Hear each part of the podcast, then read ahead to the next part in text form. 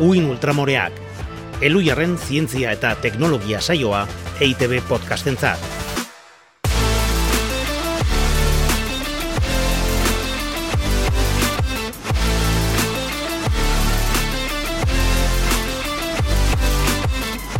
Ana Galarraga aiestaran, zer modu zaude? Zure konpainia beti ondo, Bueno. alaitz otxoa deribe agirre. Eskerrik asko nire zortzi abizenak eh, esateagatik. Eh, ni ere oso pozik nago, Normala, Uin Ultramoreak podcastaren bigarren atala egiteragoaz, bai horixe, uin ultramoreak, elujarrek EITB podcastentzat egiten duen zientzia saioa. Eta zer gai aukeratu dugu uin ultramoreen azpitik pasatzeko? estralurtarrak. Estralurtarrak, bai, nik uste gai interesgarria izango dela, eh? Beti galdetu diot nire buruari baote dagoen bizi adimendunik mundu honetan. Bai, baina galdera ez da mundu honetan. Gu begiratuko diogu espazioari. Mundu honetatik kanpo bizirik ba ote dagoen, jakiten saiatuko gara. Beste kontu bada adimenduna izango den ala ez. Ah, bale, bale. Baina mundu honetan bizi adimendunik badagoen beste podcast batean, beste atal batean eh, helduko diogu gai horri. Ados. Ados. Hori baino lehen ordea, zientzia eta teknologiaren munduan zer gertatu den errepasatuko dugu. Guazen ba. Albizpeak,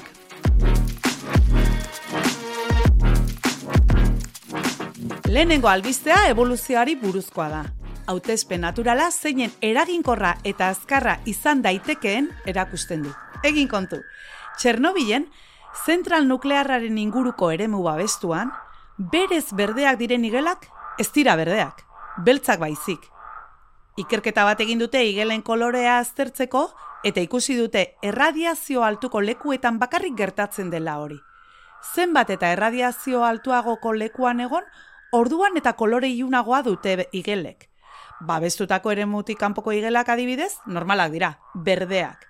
Eta horren azalpena, hautespen naturalak dauka. Alegia, ez direla erradiazioaren ondorioz belzten, ezta? Beltzak jaiotzen dira. Hori bera. Eta kolore beltzak erradiaziotik babesten duenez, zoriz beltz sortu ziren igelek aurrera egin zuten eta besteak hil egin ziren.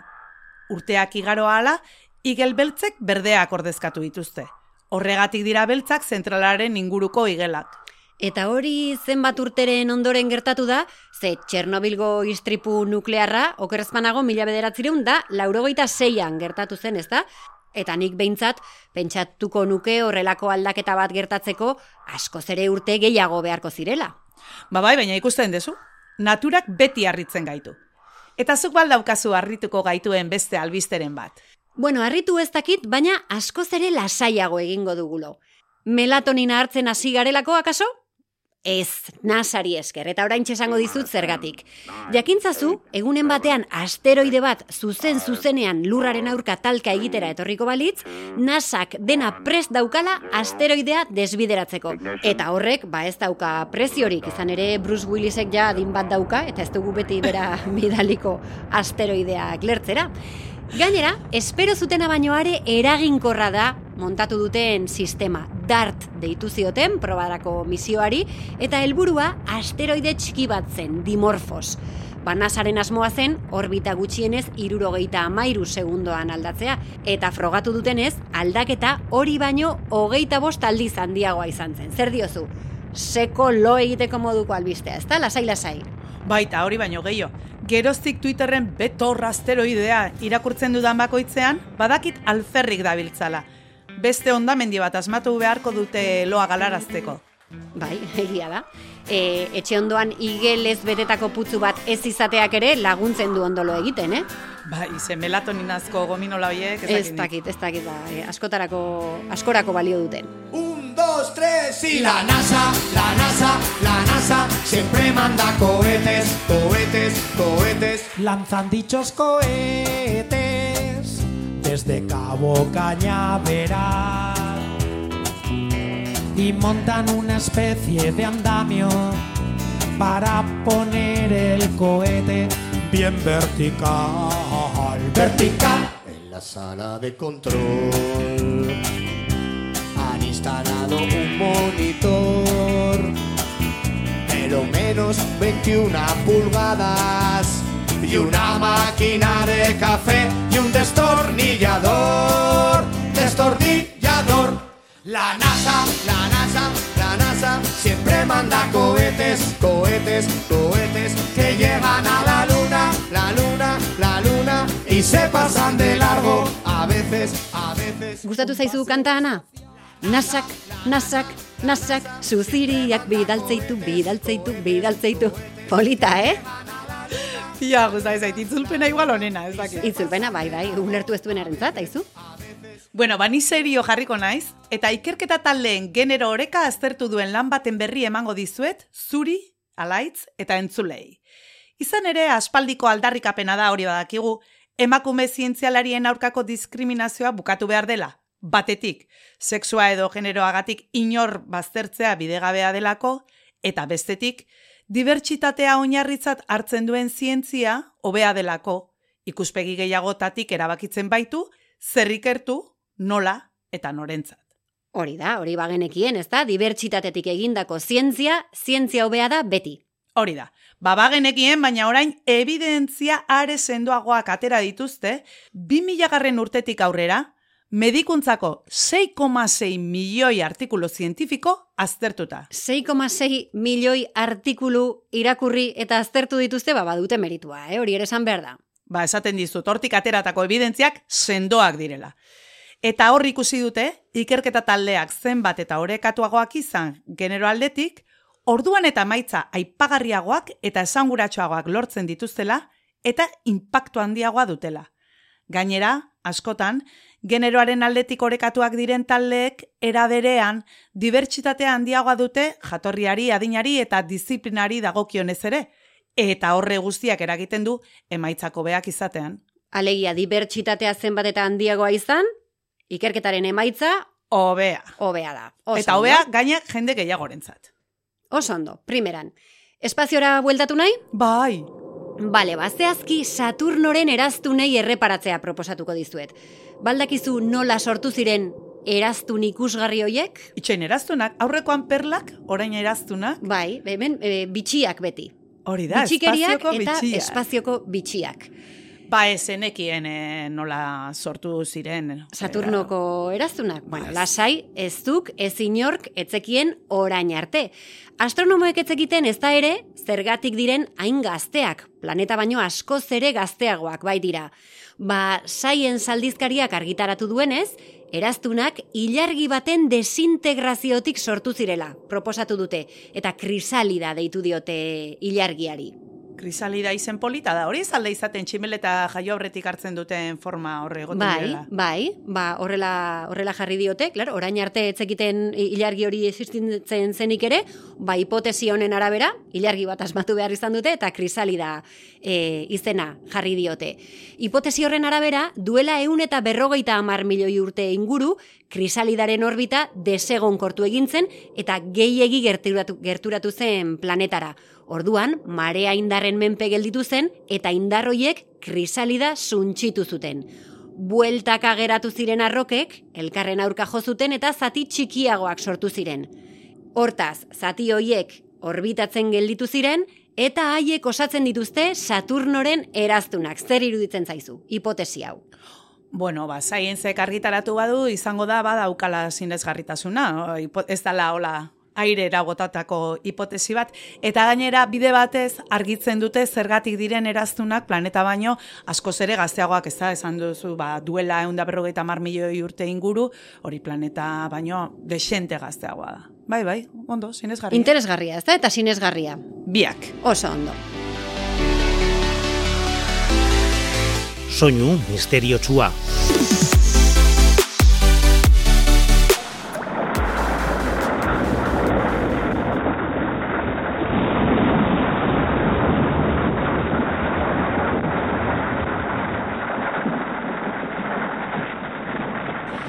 Alda gaurkoan asmatu beharreko soinua.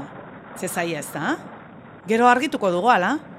E, Ana, zaila dela esaten duzu, baina nik horrela entzuten dizun aurrekoan paseo berritik telefonoz deitu zen idanean. Enizun ezer ulertzen.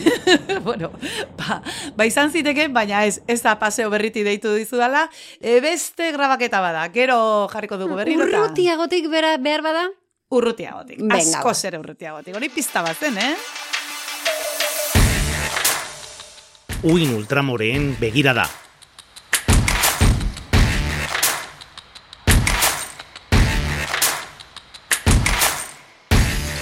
Eta orain, guazen uin ultramorez aztertzera gure gai nagusia, estralurtarrak. Baten bate pentsa dezake erditxantxetan ari garela, baina ez. Bizi estralurtarraren bilaketa gai serio bezain sakona eta zabala da. Hori aztertzen duen disiplinari exobiologia deitzen zaio, eta adar asko biltzen ditu. Kimika, fisika, astronomia, baina baita etika, filosofia eta antropologia besteak beste. Esango dugu lehenik eta behin, zientzialariek bizi estralurtarraz duten irudiak, ez duela zerrikusirik zientzia fikzioan gailendu diren izakiekin. Are gehiago, arrastorik ere ez dute nolakoak izan daitezken. Baina, onartzen dute espazioaren amaigabetasuna kontuan hartuta, ba posible dela beste bizidun batzuk egotea nonbait. Probabilitate hutsagatik besterik ez bada, ezta? Beste gauza bat da haien berri izatera iristea eta zer esanik ez haiekin harremana izatea eta are gehiago adimendunak izatea. Baduela hamarkada batzuk baikorragoak ziren. Edo behintzat orain baino argiago zuten baietz, hori guztia gerta zitekela, alegia. Haien berri izatera iristea, haiekin harremanetan jartzea eta adimendunak izatea. Horregatik, Voyager misioa diseinatu zutenean, bidean topa zitzakeen estralurtarrei bideratutako mezu bat sartzea erabaki zuten. Zitzaketen ez, ditzaketen. Ze, mila bederatzireun eta irurogeita amazazpian bizunda jaurti zituzten, Voyager misioaren barruan, eta oraindik ez dute bidaia amaitu. Horregatik, oraindik aukera daukate, ezta? E, Hori da. Bizi estralurtar hori topatzeko. Hain zuzen, inoiz gizakiak egindako tresnarik ez da haiek bezain urrun iritsi. Pentsa eguzki sistematik atera eta izarrarteko espazioan barneratzera doaz. Eta biek daramate mezubana kobrezko disko banatan grabatuta.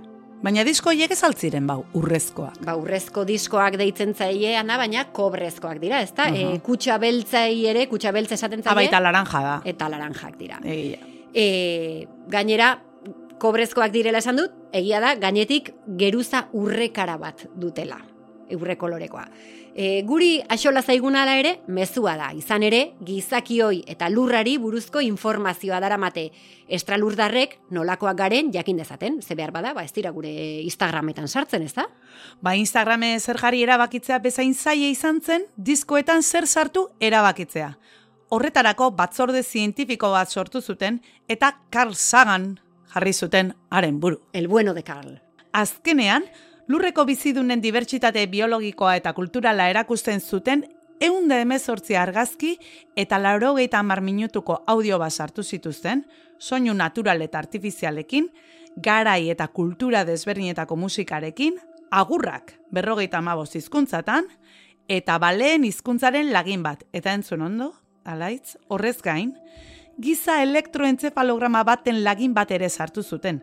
Zehazki, maite mindutako emakume baten uin zerebralak. Jo, ba, pixkat kursia, ez da? Ez naiz ni e, kalsaganekin sartuko, de zientzia divulgazioaren aita, gu, gu, gu denon aita, Aita. baina aita, a ber, pixkat kursia, ez da? E, maite mindutako emakume baten uin zerebralak. Ni gehien harritzen hauena da sagani bururatuta ere, taldeak nolatan onartu zuen, baina tira. Talde hartako emakume batek proposatu zuen, Andruian izena zuen, eta ari ba, zirraragarria iruditu zitzaion, estralurtar batzuek, noizbait, giza pentsamendua irakurri ahal izatea. Taldeak ideia onartu zuen, eta gainera, han aukeratu zuten entzefalograma egiteko. Kontua da ja horretan ari zirela, gure han eta Karl, Druia eta Sagan, maite mindu eta ezkontzea erabaki zutela. Haze, haze salseoa kontatzen ari zaren gaurko uin ultramoreetan, ana. Jarraitu mesedez. Ba, erabaki zuten orduan, entzefalograma horre jasoko zituela Druianen saganekiko amodiozko gogoetak. Eta gainera, ba, hanek esan zuen, erabatun kituta zegoela pentsatuz, milaka eta milaka urtetan iraungo zutela eta akaso noizbait norbaitek haiei esker jakingo zuela zer den maitasuna gizakiontzat. Ara, orduan ez zen konformatu e, gure sagan, jauna, em, emakume maite mindu baten uin zerebralak bidaltzearekin, berekin maite mindutako emakume batenak bidali zituen. Egia esan, bueno, seguru asko hori izango da, maitasunak betiko irauteko modu bakarra, beraz, e, aizu, respect. Bueno, ezakiz esan, baina egia esango dizut, horrek gutxi jo molestatzen diz, zubietan giltzarrapoa jartzeko itura horrek Egia, baino, egia. edo nola jartzen dituzte, ba, mendian, harriak izenekin Harriek, eta. bai, bai, bere izenak. Ez dakizein eta bakizein. Bai. Ba, bueno, han nola zen, izar arteko espazioan galtzekotan ote diren, ba, bueno, ez dute asko molestatzen ez da. Arrazoi ¿Cuándo fue el gran estallido? ¿Dónde estamos antes de nacer? ¿Dónde está el eslabón perdido? ¿Dónde vamos después de morir? ¿Qué son los agujeros negros? Se expande el universo, es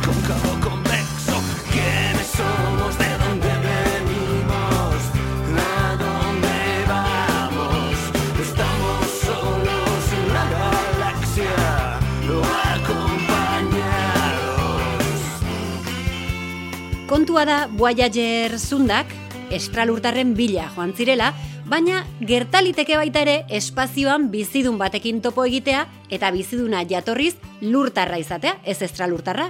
Ba, zu Pirineotara joan eta herriko norbaitekin topo egiten duzunean bezala, gainera kaso egin behar diozu, ezta? Aio, patxi! Izan ere, bizidun desente bidali dira espaziora, naita eta nahi gabe. Adibidez, naita bidali ditugu fruta euliak, e, xaguak, tximinoak eta txakurrak. E, gizakiei ba, bidea irakitzeko. Eta bestetik ba, mikroorganismoak eta landareak ba, nazioarteko espazio estazioan ikerketarako. Eta nahi gabe ere, bidali ditugu, ba, eraskotako mikroorganismoak, gaizki esterilizatutako ontzi eta tresnetan, ilargira, espazio zabalera eta agian, ba, martera ere bai. Ba, orain egitasmo badago tardigradoak bidaltzeko izarrarteko espaziora. Alegia, Voyager zundak bezain urrutira. Tardigradoak. Ze tardigradoak zer dira? E, izaki bizidun batzuk? Bai, bai, ornogabe obiparo batzuk dira. Ah, bueno, bueno, orno gabe pano esaten badidazu bere ala etortzen Ez baina tardigrado, tardigrado, a ber, pentsatu Ah, bizkat. E, gominolazko hartzak ematen duten bitxo uretako uretako hartzak, ez da esaten diote? Horrela deitzen zaie, ba, baina Mhm. mikroskopikoak dira, ez dira gominolen neurrikoak. Eta batez ere aukeratu dituzte muturreko baldintzetan irauteko gai direlako. Nahi dutena jakin... Turistak bezala. Bai, bai, kasu honetan jakin nahi dute ia espazio bidaia luzea jasateko gaiote diren.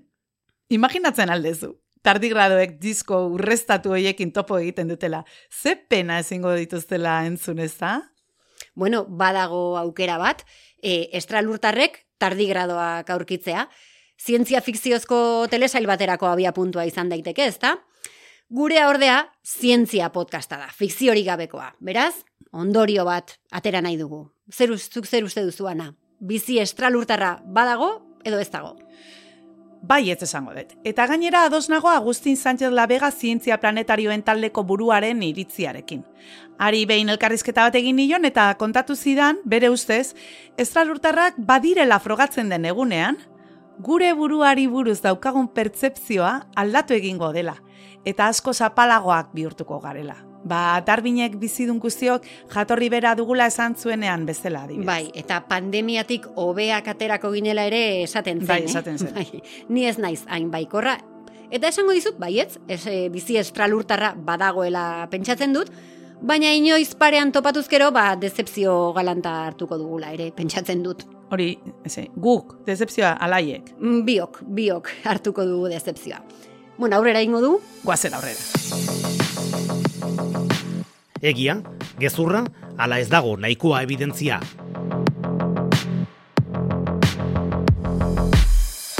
Hau da zure zatiri gustokoena ez da alaitz, egia den, gezurra den, ala nahiko evidentzia baote dagoen asmatzea.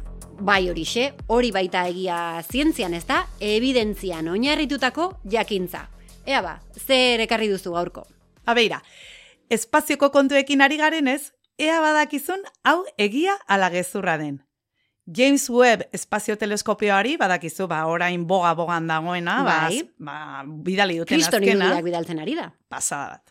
Ba, horri, teleskopio horri, Just Wonderful Space Telescope deitzea proposatu du astrofizikari batek. Just Wonderful Space Telescope. Yeah. Ba, e, guztiz sinisten dut, e, egia izango da, ikusita astrofizikariak zenbat flipatzen diren espazio zabalera bidaltzen dituzten mezuekin eta gailuekin, ezta?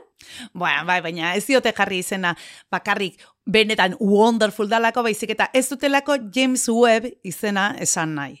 Kontua Ah. da tipoa homofobo hutsa zela, nasan agindu zuen Ah. garaian baldin bazekin langile baren bat, ba, homosexuala zela, ba, gehi eta lesbiana, bota egiten zituen, eta hori jakinda eskatu zioten nasari mesedez izen aldatzeko teleskopioari. Eta nola nasak ez dien kasurik egin, ba horregatik erabaki dute beraiek aldatzea izena, eta deitzen diote, holaxe, Just Wonderful Space Telescope, a James Webb akronimo berbera daukalako. Ah, bale, bale. Orduan, kantzelatu egin dute eta arrazoi guztiarekin gainera. Hori da. Ea ba, nire txanda. Taikonautek, alegia, txinako astronautek, txinako bandera bat jarri dute ilargiaren alde ezkutuan. Egia, gezurra, ala ez dago nahiko evidentzia. Ba, gezurra, total aldea ezkutuan baldin badago, ez dugu ikusiko hemendik, ez dute lan hori hartuko. Ez zuten lan hori hartuko eta gainera gogoratu dezagun inor ez dela, e, inor ez dela ilargiratu ilargiaren alde ezkutuan. Pertsonarik ez robotak, roboten bate jarri zezaken bandera, bai, baina ez dute jarri bestela enteratuko ginen ez da. Gubiok enteratuko ginen eta gure entzulei kontatuko genien. Hori da, nire txanda. Gizakia da heldutan esnea edaten duen animalia bakarra. Bueno, nik aletarra naiz eta ez dakit asko animaliai buruz, baina seguru gizakia dela animalia bakarra galdetzen duena, oraindik bularra ematen diozu, seguro, beste animaliek ez diotela elkarri horrelako galdera inkomodorik egiten. Ituan jo duzu, alaitz. Baina ni albaitaritza ikasitakoa naiz eta berriro esango dizut galdera. Gizaki alda heldutan esnea edaten duen animalia bakarra. Alegia, animalia helduek ez dute esnerik edaten. Hori asko esaten da, eh? Baita ere, esnearen kontrako beste Bai. eh, gerra hoietan. Hori da. Ba, batez ere hori, ba, laktasa eta kontu horiekin no, tematzen direnak. Ba, begira, animalia helduek ere edaten dute esnea. Eta batzuetan espezie beraren esnea, eta beste batzuetan, ba, beste espezie batena ere, bai, batez ere gozea balima daukate, beraz, mito hutsa da. Mhm, gezurra da hortaz. Hori. Ea nik ekarri dizudana, seguru entzun dezula behin baino gehiagotan, honako eh, esaldi hau. KFC-ko aragia ez da oliaskoa. Nik ezakit, oi asko guztu handirik ez dauka. Bueno, hori, eh, botatzen dioten saltxaren arabera, ez da? bai, eta oi asko ere ez du izango hor dana bilduta eta ez dakit, ez dakit. Bueno, entzungo zenuen, eh, jende asko komentatzen du nola eh, Kentucky Fried Chicken zen eh, enpresa horrek KFC izena jarri behar izan ziola, chicken, chickenik etzegoelako bere produktuetan, eta mm, ba, badabil mito bat esaten duena, bururik gabeko animali sintetiko batzuetatik ateratzen dutela aragia. Baina, eh, pentsatu dezagun pixka bat. Mm, irude imprimagailuz egindako txuleta hoiek ze garestiak dira, zenbat balio dute, ezta? Ba, KFC-ko menu batek baino askoz ere gehiago, ez du merezi. Oliaskoa oso animali merkea da, azteko, mantentzeko eta eta zerbitzeko, ezta? Zergatik egingo zuten hori? Are gehiago badaude esaten dutenak antropozenoaren seinalea alegia, ba gizakiaren aroan bizigarela ematen duen aztarna, justu oi asko ezurrak direla. Hain dira ugariak esaten dute, ba hori, ba nabarmena dela guk azitako animaliak direla eta claro, batzu bukatuko dute hemen sukalde honetan ez da. Bai, eta gainera guari gara gure Instagramak betetzen eta espaziora ez dakiz zer mezu bidaltzen eta azkenean ezagutuko gaituzte e, gure oliaskoen ezurrengatik.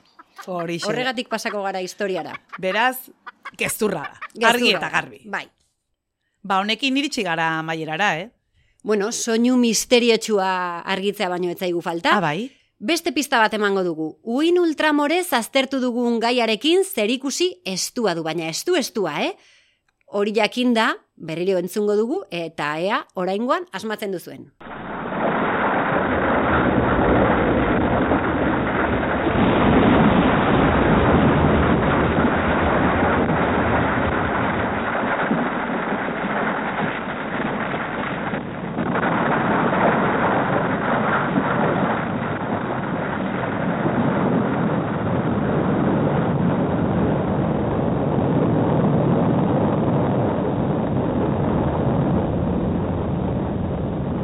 Argitu dezagun misterioa. Boia erzun den urrezko diskoetan gordetako audioetako bat entzun berri dugu. Eta hauxe da entzuten dena. Sumendia, lurrikara eta ekaitza, dana jarraia. Alegia, estralurtarrak ikaratzeko bidali genituen soinu horiek espaziora, ezta? Baten batek lurrera oporreta etortzeko asmorik bazuen, baburutik kentzeko. Ba bai, alaxe ematen du. Munduaren amaieraren soinua izan ziteken, baina ez atal honen amaiera da. Uin Ultramoreak podcastak ala ere jarraipen izango du, eh? Eta laizzer izango gara bueltan. Munduaren amaiera lehenago iristen ezpada, ezta, na? Hori da. Bueno, Uin Ultramoreak podcastaren estralurtarrak atala entzun duzu EITB podcast atariaren zat, eluiarrek egindako saioa. Gidoia eta zuzendaritza, alaitz otxoa de eri beagirre, eta ana galarraga aiestaran. Eta soinu edizioa, egoitz etxe beste aduriz. Bueno, ba, entzulei eskerrik asko gurekin izateagatik, eta Ni zuri ere esker, bai, ba, esker eskerrik asko. Ekarri dizkidazun esaldi eta mito haue guztiengatik. Zuri, zuri, zuei, urren arte aio. Agur.